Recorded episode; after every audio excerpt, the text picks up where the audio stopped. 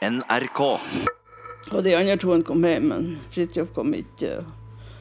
Og vi begynte jo å, å ringe, og gikk vi jo og venta på at de skulle komme. Frikirkefolkene, som var som høken på dem, de terroriserte dem faktisk. Silketerror om frelse. Og at det var ugudelighet. De var ikke kristne nok. For hva da? Ja, fordi at derfor omkom faren. Han var ikke kristen nok. Ja, det, det, det var tøft.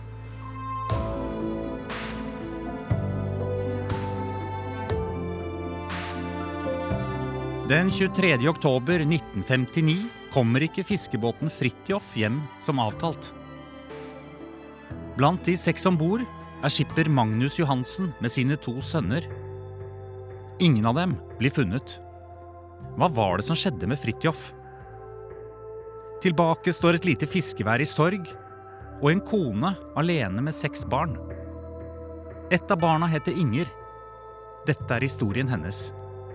Ja, god dag. God dag, god dag. Nå står jeg utenfor 20D her, tror jeg. Jeg må kikke og se om jeg ser deg. Hallo? Ja, ja, ja, ja, ja. ja. Ser du Ja, meg? du er en grå bil. Hei. Hvor, hvor er du? Hei. Hei, hei! Jeg kommer nå. Ja. Øverste vindu i en hvit flakk. Hei. Velkommen. Tusen takk. Inger Myhre har briller og kort, mørkt hår. Så her bor du. Helt på toppen. Så her, ja. Fra en liten gang med furupanel kommer jeg rett inn i stuen hennes. Mellom to store beige skinnstoler står et lite trebord med en rød kniplingsduk, et lite telys og en radio. Hallo. Inger bor sammen med Øyvind. Har du noe slekt nord nordpå? Narvik? Ja, nei, jeg har en slekt. Jeg heter Øyvind Hyrsti. Og har vært eh, journalist i Nord-Norge i 50 år. Sett deg. Du kan sette deg der. Du kan Ja, vi skal, se, vi skal, se, Nei, du skal, skal skal ikke sitte her. Nei, vi skal sitte der og prate. Sett deg ned. Ja, ja. ja. Nei. Inger setter seg ned i den ene skinnstolen rett ved balkongdøren. Har dere bodd her lenge? Fortell litt om det. Vi flytta hit i 95. jeg og Øyvind. Hei, enkemann. Hun er hun enke. Enke, men enke, men ikke på den måten. Nei, var- ikke måten. ble skilt. Og bodde i Selvers til jeg var 50 år. Da flytta jeg til Mo og Tann. Ja.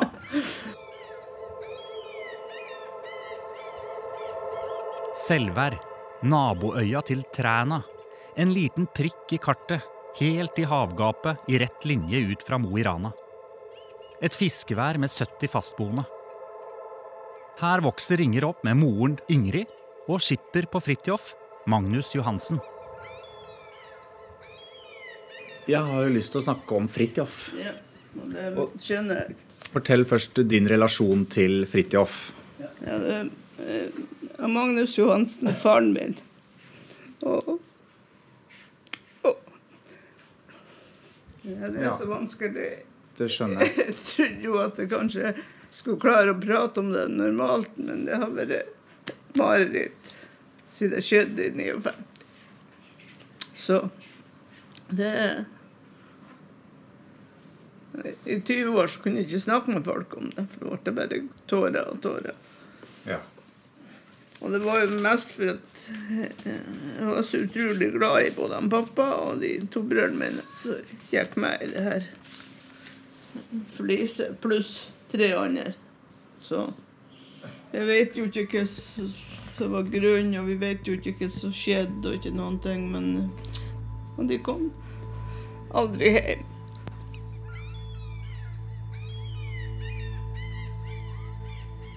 Inger mister faren og to brødre da fiskebåten Fridtjof forliser i 1959. Hva gikk galt? her, som jeg tror jeg skal steke Ja. varme opp. Du spiste det? ja, gjerne det. Er det fra fjorden, eller? Ja, det er sånn som vi har laga her. Hjemmelag. Hjemmelagde fiskekaker. Nå er du med inn på kjøkkenet til Finn Karstensen, og jeg er fra Øresvik. Øresvik. Ligger en time med hurtigbåt fra Sandnessjøen. Så de er ferske. Nå vasker du opp her, altså. Ja, jeg gjør jo det. Men hva, hva, er ditt, hva er ditt forhold til, den- til den Fridtjof? Bruker du melk i? Nei takk. Nei. Da jeg var i 15-årsalderen, da lå vi på sida den natta vi var i Bodø, så lå vi på sida av Fridtjof. Og, og sønnen til han skipperen, eller han som eide båten, han var visst med rundt i maskinrommet da, til den nye motoren og sånn.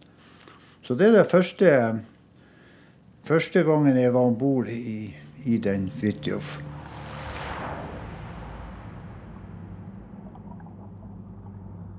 Fridtjof var jo en eh, 45 stor eh, kutter ifra Selvær. Og den var ganske smal. Det var ikke så brei båt. Han var vel sånn uh, lys, lysbrun eller sånn i, i farger. Og så var det noen hvite rekker på den. Og, ja, det husker jeg. Alt, alt det der. Og hvit overbygning, styrhus og det der, der på den. Ja. Edda han uh, Magnus Johansen i Selvær. Og uh, han var på tatt mannskapet med seg og gått opp til Tatt seinoter med og skulle på seifiske oppe i Saltenfjorden. Og var kommet eh, inn til Etter endt fiske så var de jo kommet inn til, til Bodø da. Og det var jo vanlig å gå inn til Bodø. Og det var jo butikker, det var jo forskjellig. Når det var etter en sånn tur, så var det naturlig det at de, de gjorde det og gikk inn dit. Og så eh, var de vel blitt tre lagbåter som hadde ligget i Bodø da, og, og så skulle gå da hjemover. Øystein Myhre heter han. Og så hadde grønnrevet. Nabobåten til, til Fridtjof. Og så en den tredje båten heter Sandfløsa. De var vært på seifiske oppe i Bodø-traktene, alle tre båtene, og var på tur hjem til helga. Dette er Inger.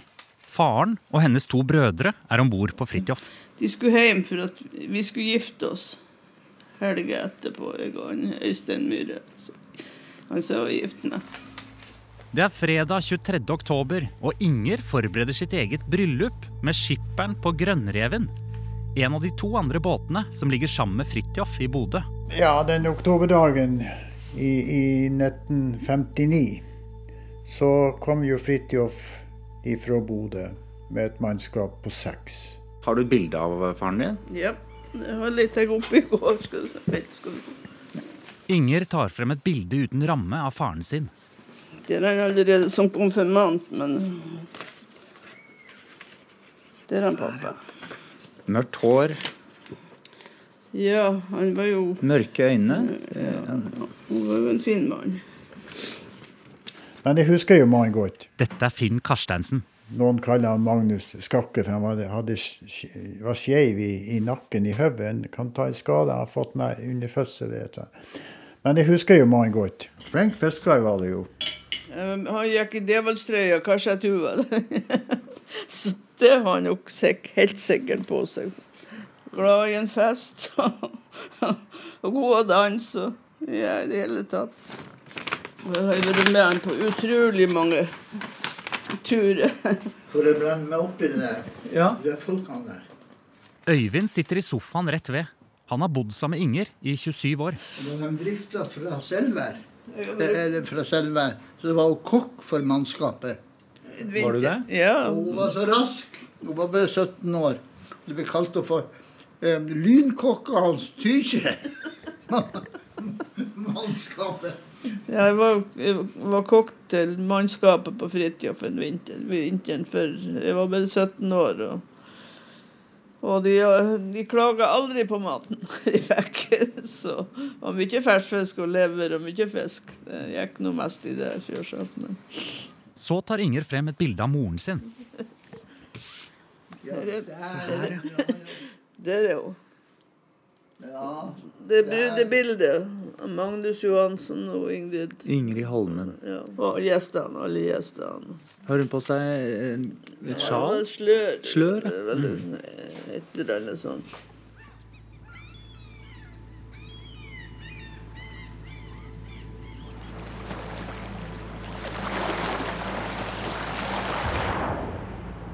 Den 23. oktober 1959 er Inger i Selvær sammen med moren og fem søsken.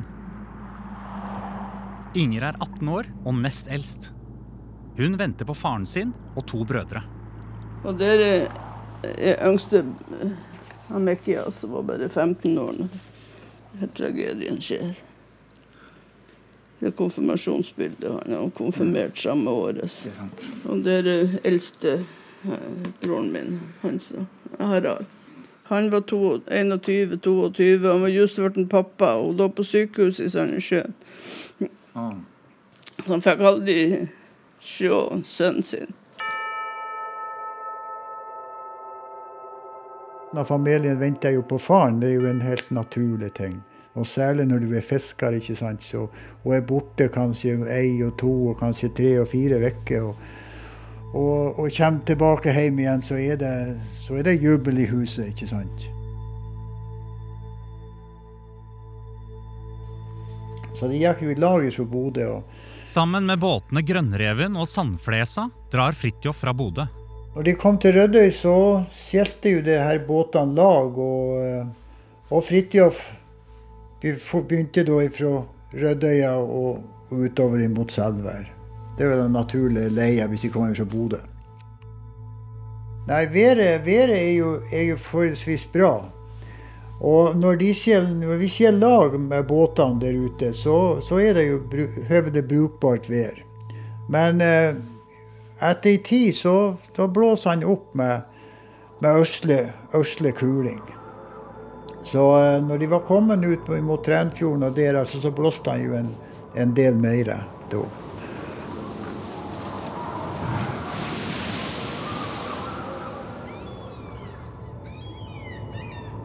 Hjemme venter Inger og resten av familien. Klart jeg vet at vi hørte på fiskeribølgen at de, at de var på tur hjem. Og så, og, Hva er fiskeribølgen? ja, på, på radioen. det var der all kommunikasjon hjem gikk. Det var på fiskeribølgen i den tida. For det var ikke noe annet. Det var ikke mobiltelefon. og ikke... Det er en bekmørk, kald oktoberkveld. Vinden blåser kuling. Noe er alvorlig galt.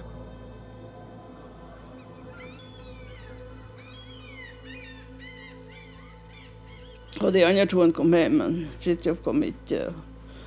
Og vi begynte jo å, å ringe og, og var nede på kai og snakka med de, og, og de har jo ikke sett de og ikke hatt noe kontakt med de etterpå. De skjeltes på, på turen. Så gikk vi jo og venta på at de skulle komme.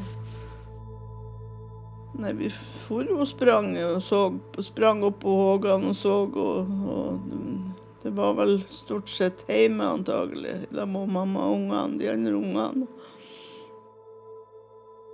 Jeg tror den gikk ganske fort opp for oss, både meg og mamma og vi som var såpass gamle at vi ja, forsto vel ganske fort at det måtte skjedde en, en ulykke. På det stykket mellom Rødøya og, og Selvær, så er det jo at ulykka skjer.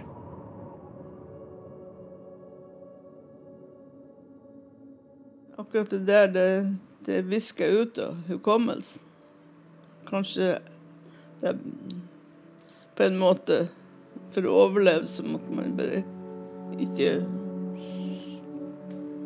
gå og gruble på hele tida på hva som skjedde og hva for noe. Så det var tøft. Det kan du si.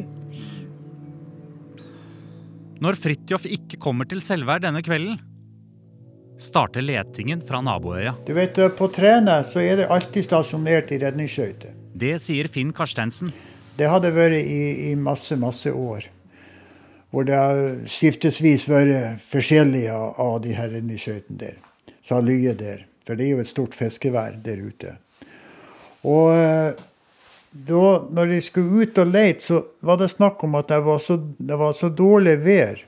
Men, eh, men de hadde faktisk en, en, båt som heter Risøyfjord. Så er ganske skøyta der. Og sønnen til han som eide, den båten, han, eh, han sa at han skulle gå ut og lete. Og han sa også med mannskapet det at dere som ikke vil være med, dere går på land. For været var såpass dårlig da. Hvis det var noen som følte seg utrygg, at, de, at det, det, her var farlig å gå ut, så, så, så, skulle de bare gå på land. Så han skulle iallfall gå og lete. Og når han gikk ut, så fulgte renneskøyta etter han. Hun gikk ikke ut før han gikk. Ikke samme dag, men dagen etterpå så var de ute og leita overalt i, i, området der, så de kunne tenke seg til hvor langt de var kommet, og hvor langt, hvor, når tid de har sett siste plassen de har sett i på turen. Og til slutt fant de jo ut hvor hen det var at båten har gått ned. Fant jo noe ting, altså. De finner notkork, at det er, at det er noe som flyter i skyen. Hva er notkork? Ja, det er, det, det er, på, det er på øvre del av nota, ikke sant. Så er det jo for å holde den oppe, så er det jo sånn kork. Eh, ganske ofte røde korker, eh, store, som, som flyter godt. Og så er godt synlige. Det var sånn de oppdaga det, at der, der måtte, der måtte kvoten ha gått ned. Dessverre så, så var det borte. Det var ikke folk å finne eller, eller andre ting. Den 29. oktober 1959, seks dager etter forliset, skriver Rana Blad. Fridtjof har gått ned. All leting er innstilt. Faren min, som var Magnus Johansen, eldstebroren min heter Harald, og Mekkias forliste. Og det var tre stykker til som var mannskap på båten. Så, og jeg var 18 og et halvt år. Så det var jo en tragisk sak. Det var jo et tragisk for det, det lille samfunnet der ute på Selvær, så var det jo et, et voldsomt tap. Det, det, er helt klart. Det var det. I havgapet på Selvær sitter moren til Inger alene igjen med seks barn. Det er meg som var eldst 18 og ned til et halvt år. Så det var tøft for mamma. Hun ble grå i håret over natta. Hun var mørk. Litt mørk som han. Jeg vet ikke om jeg skal blande meg opp, mer oppi det der. Men eh, Dette er Øyvind. Han bor sammen med Inger. Men bare det å bestemme seg for at man skulle måtte være sterk, Ja. Hun bestemte seg for det, måtte ikke gråte på et år. Og det første gang hun kom ut fra fjøset på naboøya og så flåten gikk ut Det var åtte måneder etterpå, eller ni måneder etterpå. Da brøt det sammen. For først da felte hun sine første tårer. Ja. Helt fantastisk. Helt sånn Fantastisk. ja, men fabelaktig. Hun var sterk. Hun var sterk menneske. og- Tenk hun alltid opplevd. Hun 89 år. Hun døde på sykehuset som en nabo til oss. Hun sa 'Jeg hadde et godt liv'. Så på dødsleiet. Med alt jeg har opplevd. Det er sterkt. Det er sterkt. Var hvor, hvor hardt var det for, for deg? Ja, det var tøft. For, for det første så, så gifta vi jo samme høsten. Jeg kan huske det. Og Altså kapteinen på den andre båten Ja, som ja. kom hjem. Ja. Og han var jo flytta jo inn i huset i lag med oss, og mamma og meg og, og de andre ungene. Og ble jo som en reservefar for, for hele gjengen.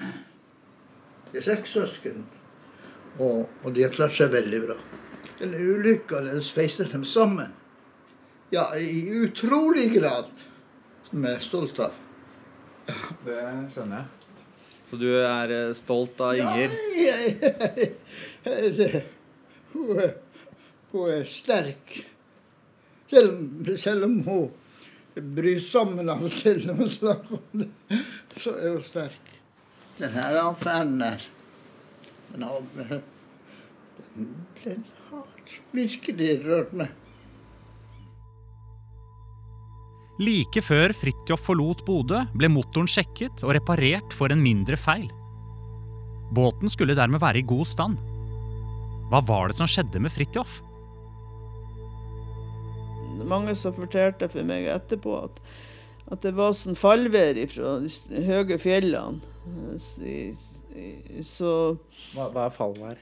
Ja, det er sånn brått som kommer under fjellene. Sånn kastvinder fra fjellene. Så noen trodde at det var De hadde sett lest, lettbåten sto tvert på, på dekket, at det var den som hadde Så det kom en sånn kastvind, så hadde tatt lettbåten ut og, og trylle om båten. Vi De snakka med en gammel fisker her, og vi snakka om det her med at, at båter eh, trilla, gikk, gikk rundt, altså. Det sier Finn Karsteinsen. Så, så var jo gammel skipper og sa nei, det går ikke an, sa han.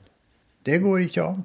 Men var det en smal båt igjen, og du har lasta mye oppå den ja, Du hadde not, og du hadde båter, og du hadde Ja, hele tatt bare alt utstyret som du får opp i opp broa og opp i styrhuset, bare hvor det tøgner alt der, og det er opp over vann, ikke sant, alt det han her. Så, så det er klart at da, da er, det blir båten ustabil med en gang. Alt går jo an. Det? Det var jo For eksempel var det jo luftstart på, på en sånn motor. Det var en sånn luftflaske.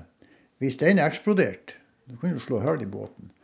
Men eh, da regner jeg med at da har skipperen kunnet sende en melding at nå var det skjedd et eller annet. Men når båten, når de ingenting hører, så vil hva det naturlig er at båten rett rundt. Det er jo det. Er jo det. Når de ikke hører et gnist ifra verken det ene eller andre. Nå har de jo ikke sånn De har jo kun en sånn radiosender. Så de måtte jo ta mikrofon, og så måtte de jo rope på Bodø radio eller et eller annet sånt. altså. Og si at nå er vi i vanskeligheter. Og det var ikke noe kontakt mellom Bodø radio og Nei, Fridtjof? Aldri, aldri hørt. Så det var mange spekulasjoner. Nå er du hjemme hos Inger. Faren hennes var skipper på Fridtjof. Og hva tror du? Jeg holder på den teorien at det var den lettbåten som sto tvert på, som har ikke vært ordentlig fastgjort. Så kom kastvinden, så tok de den ut, og så trilla båten. Jeg vet ikke om jeg skal blande meg opp, mer opp i det. Øyvind bor sammen med Inger. Hun forteller om eh, frikirkefolkene som var som høken på dem. De terroriserte dem faktisk. Ja, silketerror. Om frelse. Og at det var ugudelighet. De var ikke kristne nok. For hva da? Ja, fordi at derfor omkom faren. Han var ikke kristen nok. Altså, sagt med rene ord. Og de fulgte hun på. Ja, la henne fortelle det. På klesnora. Ja, det, det, eh, det det bør Hva skjedde etter, etter, etter forliset? Etter forliset, de, de, de kom eh, Hvem da? pre- predikanter. Og det var jo et eh, religiøst samfunn der ute. Og, og sprang etter oss. og De var ikke verdige til å leve. På en, Din Ja. far og dine to brødre? ja, ja, og de tre andre antagelig. Og sammen. Så Jeg har ikke noe det, Men hva var, hva var eh, begrunnelsen, mente de? Ja, det var for at nå måtte vi bli, nå måtte vi bli frelst og bli religiøse og bli ordentlige folk. Ja, det, det Det var tøft. Sånn skal de ikke behandle folk. Eh, Vet man hvor skipet er nå? Ja, det, Er det blitt sett? Fridtjof, Fridtjof, det er noen som har sett deg på ekkoloddet. De har sett hvor, hvor de, men, de mener at den båten ligger. Ja, Utfor Nessøy eller noe sånt. Det er noe imellom Rødøya og Træna. Har det vært noe snakk om det? Å dykke ned til det? Og... Jeg har aldri hørt. Aldri hørt om. Nei, aldri hørt. De visste jo hvor De fant jo til slutt hvor båten har gått ned hen. Men hun, ma, mamma bestemte seg for at de var borte. Og de, hun ville ikke at de skulle ta opp båten. Og kanskje i ettertid så var det kanskje ikke rett, for kunne jo ha funnet ut hva som skjedde hvis de men, Og kanskje funnet noen av de, så de kunne jo hatt det i grav. Men det ble ikke sånn. Hvorfor ville hun ikke ta den opp? Hun mente at når de var døde og borte, så, så var det på havet de hadde dødd. Da kunne like godt eh, det Vi snakka vel aldri om det heller etterpå, hvorfor at hun tok en sånn beslutning. Det, det var jo hun som Vi var jo bare unger. Jeg uh, syns som mamma tok en god beslutning og bestemte seg for at den fikk ligge der. Jeg har ikke noe behov for at den båten skulle bli tatt opp. Den 23. oktober 1959 mister Inger faren sin og to brødre på havet. I dag så får jo ikke eh, sønner skal, og foreldre og far skal være i lag på. De skal prøve å splitte at det ikke er så mange som går i en tragedie når det skjer ei ulykke. Men i den tida så var det ikke noe snakk om det.